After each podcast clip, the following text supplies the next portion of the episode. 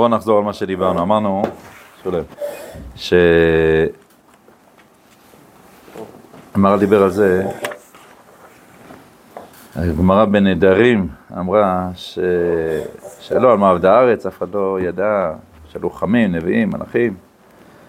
אה, והקדוש ברוך הוא פירש אה, על עזבם תורתי ולא שמעו בכלוי ולא הלכו בה. מה זה, מה הכוונה, מה הכפילות הזו, שלא ברכו בתורה תחילה.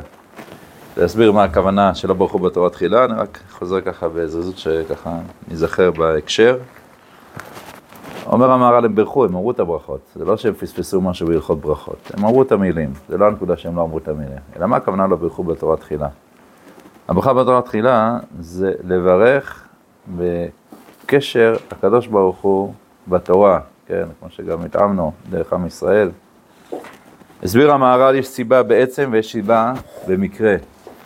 סיבה במקרה זה נגר שבונה בית, אני חוזר בקיצור, נגר שבונה בית, אז הבית אה, נבנה והנגר יכול ללכת לעולמו, הבית יישאר, אין קשר. אחרי שהוא צירף את החלקים של הבית, שם את הבטון, שם את הכל, בסדר, זהו, נגמר הקשר. זה נקרא בעברית סיבה במקרה. מה הסיבה בעצם? סיבה בעצם זה דבר שכל הזמן מחיה את המציאות, השורשים והאילן, כן? שהם בעצם כל הזמן מחיים את העץ. בלעדיהם, לא רק שהם כאילו מכוחם העץ גדל, זה כל החיות שלהם, וזה כל הרעננות שלהם. ברגע שתכרות את השורשים, אולי אף אחד בהתחלה לא יראה איזה תולעת שתאכל את השורשים, בהתחלה על פני השטח שום דבר לא יקרה. יכול להיות שבתי מדרש ילמדו וזה, ובסוף פתאום הכל יקרוס, הכל ייפול, וזה בעצם מה שקרה, על זה חרבה הארץ, על זה שהשורש של הגישה לתורה לא היה בנוי. התורה לא נצרכת כמו שהוא התחיל, לא צריך, אה, הוא לא מבחן אינטליגנטי ולא שום דבר, אפילו לא עושה טעויות בתורה, אבל מה שכן חשוב זה לברך בתורה תחילה. שאתה בעצם ניגש לתורה מתוך זה שהנשמה האלוקית שלך משתוקקת להידבק בשם, ומתוכה אתה לומד תורה. הקדוש ברוך הוא, הוא זה שמלמד אותך תורה כל הזמן, אתה רוצה, מתוך השורשים שמחיים את זה, מתוך זה אתה ניגש לתורה. רק ככה השם מאוד תורה, ובלי זה הכל נחרב. זה לא איזה משהו, אה, תוספת להידו, זה בסיס שבגללו הכל רקוב, הכל נגמר. בסדר? זה דבר יסודי ביותר, שאיתו הוא הסביר בעצם את הברכה בתורה תחילה, ומלאכים, נביאים, לא נזכיר את כל מה שדיברנו, מה ההבדל בין מלאכים, נביאים וחכמים, אבל כל מי שנברא ורואה על פני השטח לא מבין, כאילו, לכאורה הכל בסדר, כמו שאמרנו, מקיימים תורה מצוות אולי, עושים זה, לומדים, הכל, אבל מתחת לפני השטח יש ריקבון, שם זה צריך עין בוחנת, עין אלוקית, שרואה את מה שקורה מתחת, את הריקבון, ועל זה עבדה הארץ, ככה אמר גם למה יוצא, קורה שתלמידי החכמים לא יוצאים לתלמידי החכמים, כי הם לא מברכים בתורה תחילה, ככה הגמרא שמה, ועוד פעם, הם אומרים את המילים, אבל בגלל שהשורש שלהם, של קרבת אלוקים, הוא לא בנוי בצורה אמיתית, אז יוצא שזה לא משפיע. כשהשורש חזק, זה גם עובר לילדים, כי זה בסיס האישיות, אז זה גם משדר לילדים. כשזה לא ככה, אז התורה אולי, יש הרבה הרבה תורה במובן ה... של, של הנגלה, אבל משהו לא עובר לילדים, ולכן אין בניהם יוצאים תלמידי חכמים. זהו, עד כאן אנחנו הגענו, אני חושב שראינו כאשר ראה דוד שמה, או ש... כן. כאשר ראה דוד, לפניו. שני דברים האלו אשר זכרנו. האחד, שהיה רפי ניכשל דברי תורה. השני, שלא יהיו דבריו לרצון לזולתו, נגד זה סידר דבריו במזמור, השמיים מספרים כבוד כל. בעצם במזמור, בתהילים י"ט, פה זה סידור התנ"ך, הנה יש שם התנ"ך, שנייה. יש שם ממש. הסיום של המזמור זה בעצם מה שאומר, אה, יהיו לרצון אמרי פיו וגמל לפני, כן, שהתורה תהיה לרצון לפני, אה, כמו שהוא התחיל להתפלל. אבל איך התורה תהיה לרצון, איך תורה תהיה בית מדרש, שבו כל אחד שמח כל כך באות של חבר שלו כותב, הוא עוזר לו לכתוב את האות. בשביל זה צריך בית מדרש שנבנה סביב הפרק הזה, שאנחנו אומרים במזמורי שבת בבוקר, אותו בא לבאר את זה. זה מזמור שמתחיל בהתחלה במעשה ידי השם, אה, על השמש, כחתן יוצא בחופתו, ואז בחלק השני הוא מגיע לתורה, מתוך פלאי הבריאה הוא מגיע בעצם מה שהרב קורא חיים דחיים, זה מה שמחיה את, ה, את כל המציאות. ואז הוא מביא כמה תארים לתורה, והסיום של הכל יהיו לרצון אמרי פי, וגמר לפניך השם צורי וגואלי. אז כדי שדברי התורה יהיו לרצון, צריך פה אה, להגדיר את התורה מכל מיני כיוונים, כמו שנראה. תורת השם תהיה מהשיבת נפש, אחד. עדות השם נאמנה מחכים על פתי, כל הזמן הוא אה, מכנה את התורה בצורה אחרת, תורה, עדות, פיקודים, אה, מצווה, יראה, משפטי השם, שש, שש הגדרות לתורה, וכל פעם הוא אומר, פיקודי השם, יראת השם, משפטי השם, כן, כל הזמן לצרף את התורה לשורש, לצרף את הענפים לשורש, זה, טוב, להסביר את זה. מה כל שישה הצדדים האלה, ומתוכם, אחרי שככה כהנים את התורה בכל הצדדים, וזה לא סתם אה, פסוקים, אלא כל אחד בא להגיד עיקרון מאוד מאוד יסודי בגישה לתורה בפסוקים האלה, כן, שאנחנו אומרים, תורת השם תמימה, זה בא להגיד משהו אחד, עדות השם, זה עוד נקודה. שקולטים וקונים את ששת הצדדים האלה, אז דברי התורה הם לרצון. אז בואו נראה, הוא בא להסביר בעצם עכשיו את הצדדים השונים שמוזכרים במזמור הזה, שהסיום של זה יהיו לרצון. אז בואו נראה עוד פעם. נגד זה שסידר דבר במזמור השמיים מספרים כבוד כאל, הקדים תחילה לספר מעלת תורה, שנאמר תורת השם תמימה משיבת נפש, פיקודי השם כן, וכולי, עד גם עבדך נזהר בהם בשומרם מקבריו, ולפי מעלת הדבר צריך שיהיה נזהר שלא ייכשל בו, כן, הוא ממש משתדל מאוד לנסות שהדברים יהיו מדויקים, זכר שהדברים, וכל אחד זכר השם, כמו שאמרנו, כן, זאת אומרת התורה נוגעת באדם, כן, זה יוצר באדם שישה צדדים שונים כמו שנראה, כן? וזה שהאדם קשור לשורש, זה בעצם מחיה אצלו את כל הצדדים השונים. כן? אם יש מדע מסוים שנוגע באדם, שזה חוש מוזיקלי, שומע איזה נעימה מוזיקלית, אז זה נוגע בצד המוזיקלי של האדם, זה מצוין. אם יש משהו מדעי, זה נוגע בצד אחר שבו. אבל תורת השם, כיוון שהיא נוגעת בלב החיים של האדם, אז זה מחיה אצלו כל ששת הצדדים. כן, תכף המהר"ל הסביר שהצדדים, הגילויים של הדברים הם תמיד מתחלקים לשש. בואו נראה רגע את המהלך. לומר כי התורה מצווה לשם ברח, שנקראת את השם עדות השם כל כולם. לומר, כעדי התורה קונה האדם דבקות בו יתברך. מפני שבא לומר שהדבקות הזו היא דבקות גמור, לא דבקות בצד מה, כמו מישהו בעל מידות, על ידי המידות קונה דבקות בו יתברך. יש כאילו עוד דרכים להתקרב להשם, על ידי בניין המידות, על ידי אה, לימוד היסטוריה גם אתה יכול אה, להגיע לאהבת השם גדולה והשגחתו על ישראל, אבל זה משהו אחר פה. אינו קורא לדבקות בצד מה, זה לא צד מסוים, כפי המידה שדבק בה, אבל על ידי התורה, דבק בו, יתברך לגמרי בכל צד. זאת אומרת, זה נוגע ממש בלב החיים של האדם, אם ניגשים לזה נכון, ואז זה מחיה את כל ששת הגילויים. מפני שהצדים המחולקים הם שישה, והם ימין ושמאל, פנים ואחור, מעלה מטה, כנגד זה זכר שישה שמות שידבק בו ילבר, שישה בפסוקים האלה, כן? כמו שנראה, עדות השם, משפטי השם, שישה הגדרות, שבעצם שישה צדדים, בסדר? כל דבר, יש שש צדדים, מסתכל עליי, תראו את הספר, יש פה את הצד הקדמי, את הצד האחורי, כל אחד רואה צד אחר שהוא בעצם צד שנראה שונה לכל אחד. קדימה, אחורה, ימינה, שמאלה, למעלה, למטה, אבל יש את הצד הפנימי שהוא בעצם כל הצדדים האחרים הם גילויים של הדבר הזה. ככה זה בכל העולם. יש את הצד הפנימי, מבחינת שבת, ויש את כל שישה הימים שהם בעצם מגלים אותה, בצדדים שונים, במידות שונות. ולכן אה, התורה, הדבקות בתורה, מחיה כמו שנראה את שישה צדדים שקיימים, שישה צדדים פנימיים שקיימים באדם, אבל התורה היא לב הדבר. כן. ארבעת המינים? אה, זה ודאי, מה שמנענעים לכל הכיוונים, ברור, כן. בעצם היא כנגד ששת המידות, ששת הספירות, חסד, גבוהה, תפארת, נצח עוד יסוד. זאת אומרת, כל הצדדים האלה הם בעצם אה, שייכים ל... לשש אורות, שש אה, דחפים אלוקיים שהוא בונה בעולם, ושישה צדדים, שישה גילויים של, ה... של לב החיים של האדם.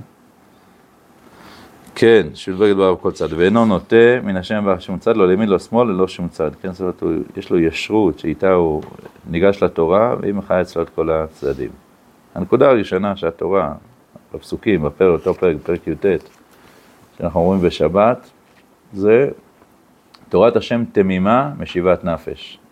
צריך להבין מה זה תמימה, מה זה תום, מה זה משיבת נפש, ולמה זה קשור אחד לשני, בסדר? זה מה שהר"ן מתחיל להסביר עכשיו.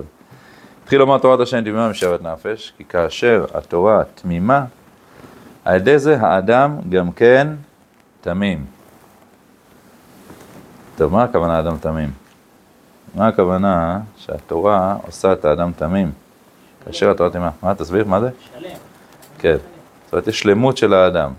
מה הכוונה שלמות? שלמות של ידיעות, שלמות של מה? כתוב יעקב איש תם. לכאורה כתוב שהוא איש תם יושב אוהלים, עוד לפני שהוא ידע את כל התורה, הוא ידע דווקא בילדותו, נערותו, כתוב שהיה איש תם. עדיין לא הגיע לשלמותו, כתוב לו. בנפש.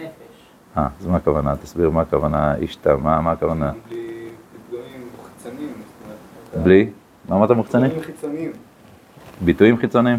בלי פגמים חיצוניים. פגמים חיצוניים, כן. זאת אומרת, התם, כן, כתוב שהצורה של יעקב איש תם חקוקה, יש המרכבה, שיחזקאל כתוב שיש צורת אדם במרכבה, כתוב שזה צורת יעקב איש תם, שהיא בעצם, ככה מציינים, שזו המעלה הגדולה שלו, כן? למרות שאחרי זה יעקב יודע להתהלך עם לבן ועם כל השקרים שלו ועם כל הדברים, אבל יסוד אישיותו זה איש תם. אז כדי להבין את הנקודה הזו של, הנקודה של התום, כמו שאמרתם, זה קשור לאיזה נקודה של, של שלמות יסודית בנפש, של לפני כל הידיעות שלה ולפני כל הדברים. והאמת שבילדות, כמו אצל יעקב, מתגלה הרבה פעמים אצל ילדים, תום הילדות, זו נקודה מאוד מאוד חשובה, עד כדי כך חשובה, שהרב כותב, אשרי מי שלא איבד גם בזמן זקנותו את תום הילדות שלו. מה הכוונה? מה, הוא ישר ילד? מה, הוא יודע כבר, צריך לדעת איך זה, תעסק עם כסף, לא יודע, כל מיני דברים, אדם כאילו לומד בחיים, מה? יש לו ניסיון חיים, מה, הוא רוצה להיות ילד? אלא שבאמת, בתום של הילדות טמון הרבה.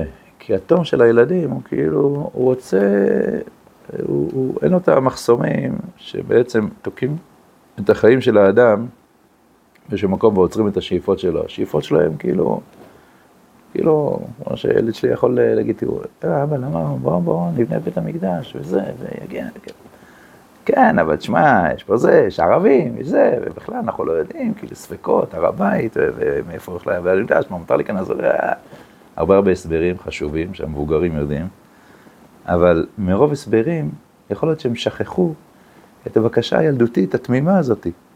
בוא נבנה את בית המקדש. בוא, בוא, בוא, כאילו, למה שהקדושה לא תהיה בעולם, כאילו, בצורה שלמה? אז אתה, עודף התשובות שיש לנו, שהן חשובות מאוד כמובן, הן בעצם כבר מכבות לפעמים את שאיפת השלמות התמימה שיש בילד. ולכן, אומר הרב, אשרי מי שגם בזקנותו, אחרי השאלות וההתחכמויות וכל הפלפולי הדינים, הוא לא עזב את הצד של התום. זה מאוד קשור למה שאמר ש, שתורת השם תימה, כיוון שניגשים לתורה מתוך השורש, כמו שדיברנו, אז באמת בונה את התום הזה באדם, בסדר? יסוד של תום מאוד מאוד גדול, בוא נראה את זה עוד קצת, על ידי זה האדם תמים. כאשר הוא תמים, האדם עם השם נדבך לגמרי, כי דכתיב תמים תהיה עם השם אלוקיך, פרשו זה במסכת נהדרים. כל המתמים עצמו הוא עם השם יתברך, זאת אומרת, זו תכונה מאוד מאוד יסודית בישראל, שמי שקונה אותה הוא עם השם יתברך, היא כל כך יסודית, יש את הסיפור הזה במסכת שבת, על רבא והצדוקי, נראה את זה שנייה, תשמע מסכת שבת.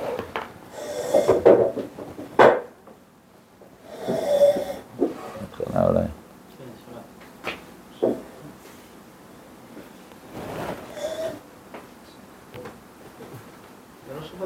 בסדר, נגיד את זה בעל פה. מה? אין שבת, בסדר, בואו נספר את זה בעל פה. היה שם סיפור עם... צדוקי, שראה את רבא ככה מתאמץ על הסוגיה. שטיינזלץ בכלל. כן, נראה לי זה דווקא טוב, פ"ח, בוא נראה.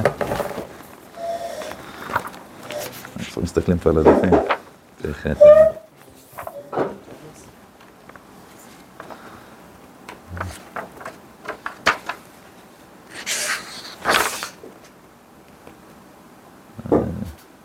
קשה לי פה למצוא את המקומות בדפים, אבל שנייה, תכף נמצא. אה, אומרת הגמרא, הנה. אורמינא דחזה לרבה דקמיים בשמעתה. רש"י מתאמץ על סוגיה להבין אותה עד הסוף. ית ואצבעת על ידי תותי קרא, האצבע שלו ככה נמחצ'ת קצת את הרגל, וכמה אצבעו, כמה בן אצבע ידם. כל כך התאמץ שלא שם לב שהאצבע שלו מנציאה אדם. אמר לי, אותו מינה, אמה פזיזה דקדמיתו פומייכו לאודנייכו. נראה שאתם, כמו שהייתם בקבלת סיני, ככה אתם עכשיו גם. הכתי בפחזותייכו קמיתו. זאת אומרת, אתם כאלה פזיזים, כאלה חסרי מחשבה מסודרת. אתה לא שם לב כאילו שהאצבע שלך מוציאה דם, אתה כל כך כאילו מרוכז בסוגיה, מה עובר עליך, כאילו, מה נסגר? אתם כאלה טיפשים, פזיזים, כמו שהייתם בקרבת הר סיני. בריש הבא אוכל למי ישמע, תחשבו בצורה הגיונית. מציעים לכם עסקה, אתה לא ישר קופץ כאילו כמו איזה ילד.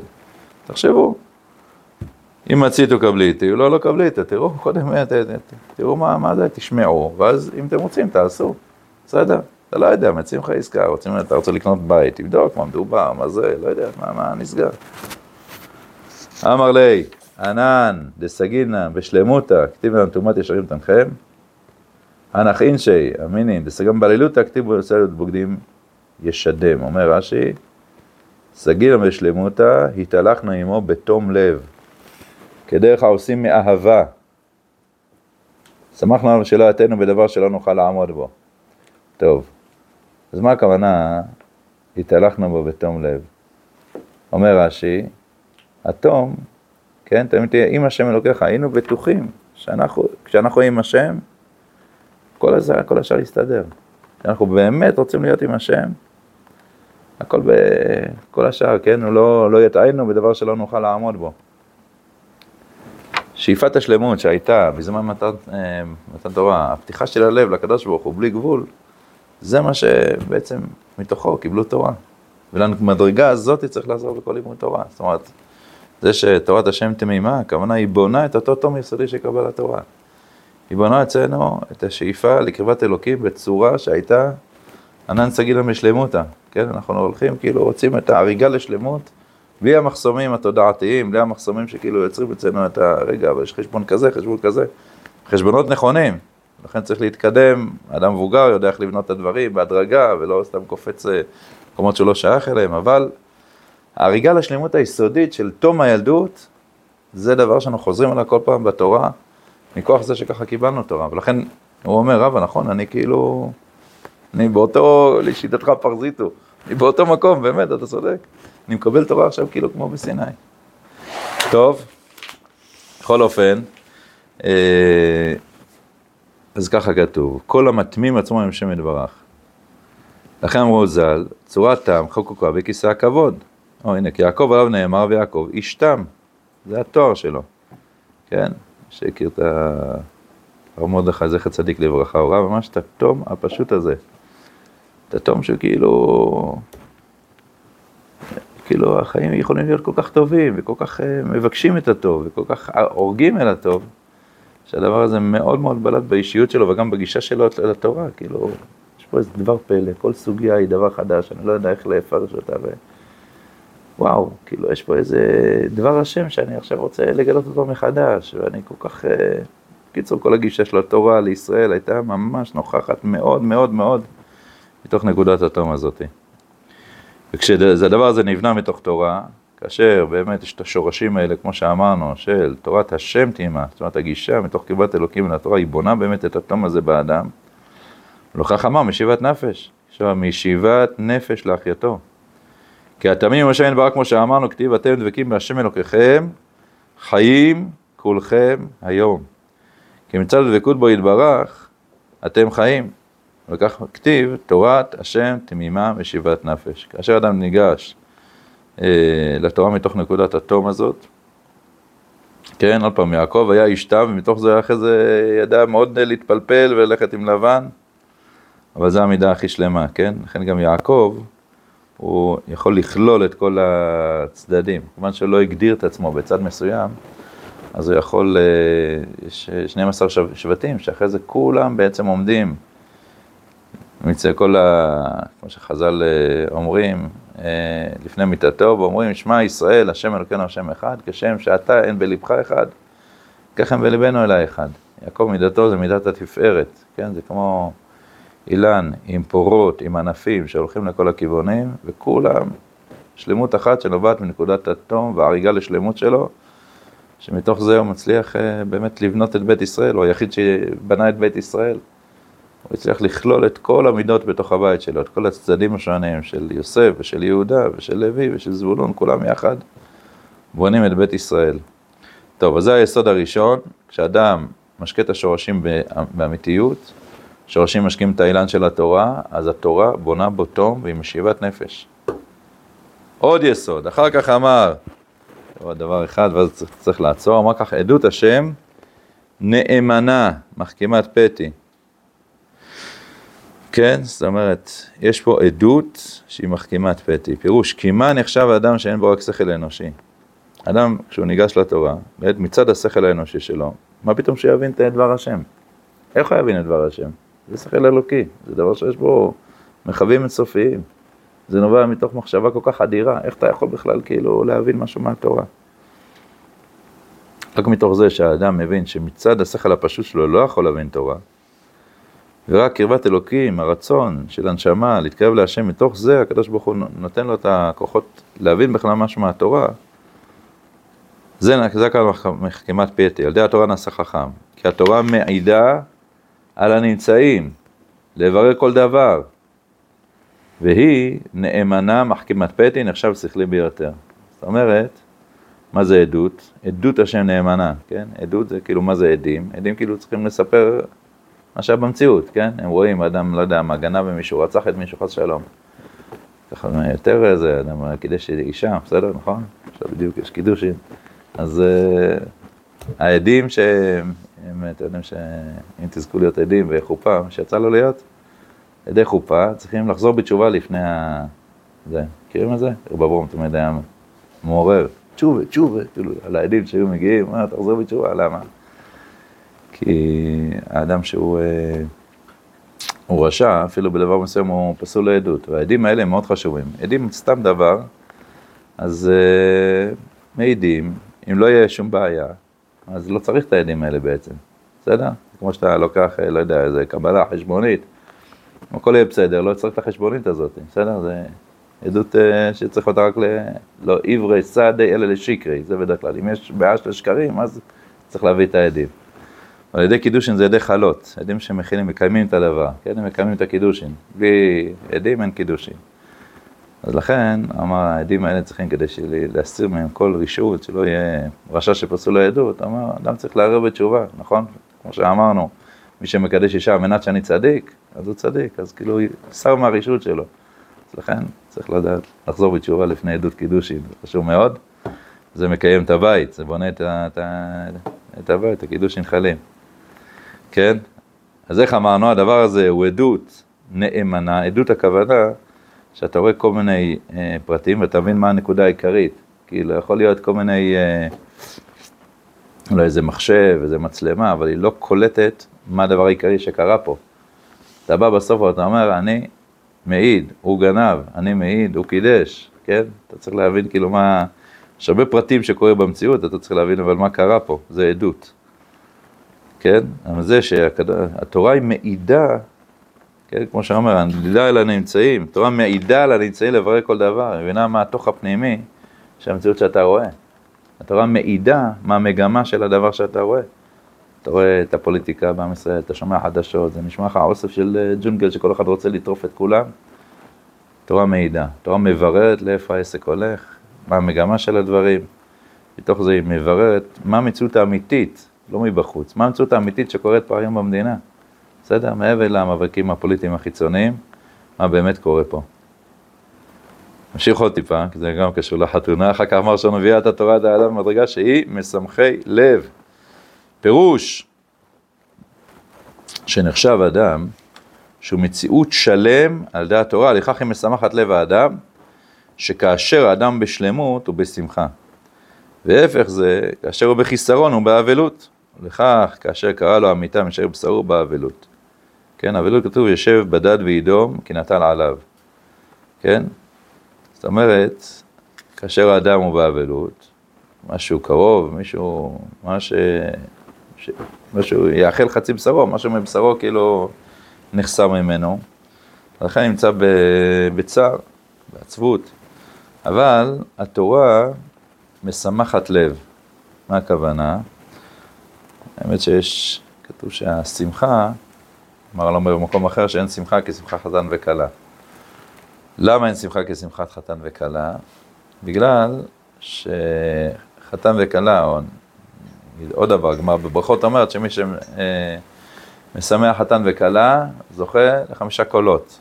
שם כתוב כל ששון, כל שמחה וזה, וגם כתוב כל שופר, כתוב הקולות האלה במתן תורה. מה הכוונה? בשניהם יש שמחה גדולה, כן? כדאי שהם משמחי לב. משמחי לב, הכוונה, השמחה זה בעצם היכולת של האדם לצאת מתוך המציאות הפרטית שלו ולהרחיב את המציאות הפנימית שלו כלפי חוץ. נסביר את הדבר.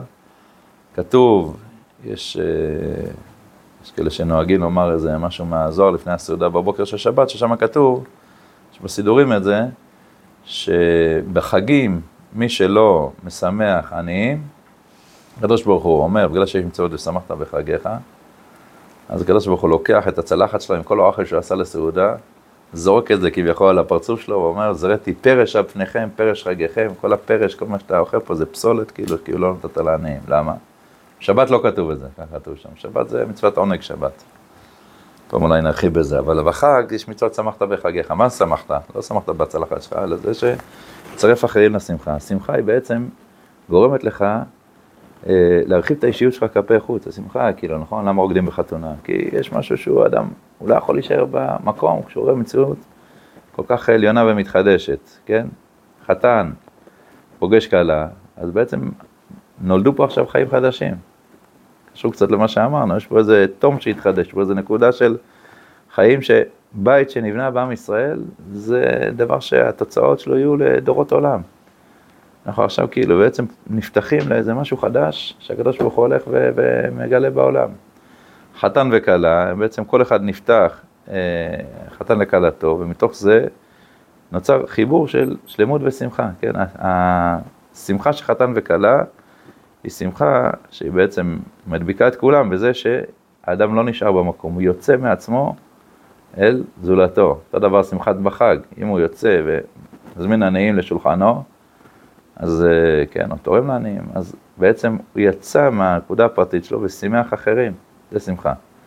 אז לכן התורה בונה באדם את היכולת הזאת של, של השמחה, כן? ככה זה בחתן וכלה, ככה זה בחגים, ככה זה בכל קניין של תורה. משמחת לב. זאת אומרת, היא מוציאה את האדם מהמקום היסודי שלו, והוא מתחבר, ומתחבר למציאות ומשפיע על המציאות. כן? זה המציאות של שמחה. המציאות של שמחה זה מציאות של התפשטות החיים הפנימיים אל החוץ, בצורה כזאת שהחיים אה, שמחים, החיים כאילו אתה גורם אה, אה, שמחה במציאות. באבלות זה הפוך, באבלות זה מציאות של חוסר שלמות, בניגוד לחתונה יש מציאות של שלמות גדולה, אבלות היא חוסר שלמות, ולכן אה, ישב בדד וידום, כי נטל עליו. טוב, אנחנו צריכים לעצור, בסדר? אנחנו עוד אה, צריכים להשלים את זה, אבל בינתיים אנחנו נעצור. אז יש לנו בעצם, ראינו שיש פה תום, עדות ושמחה, שזה קניינים יסודיים מאוד שהתורה בונה באדם, כאשר אדם ניגש אליהם נכון מתוך השורשים. נמשיך עוד בעזרת השם. טוב, בשורות טובות, שמחות רבות.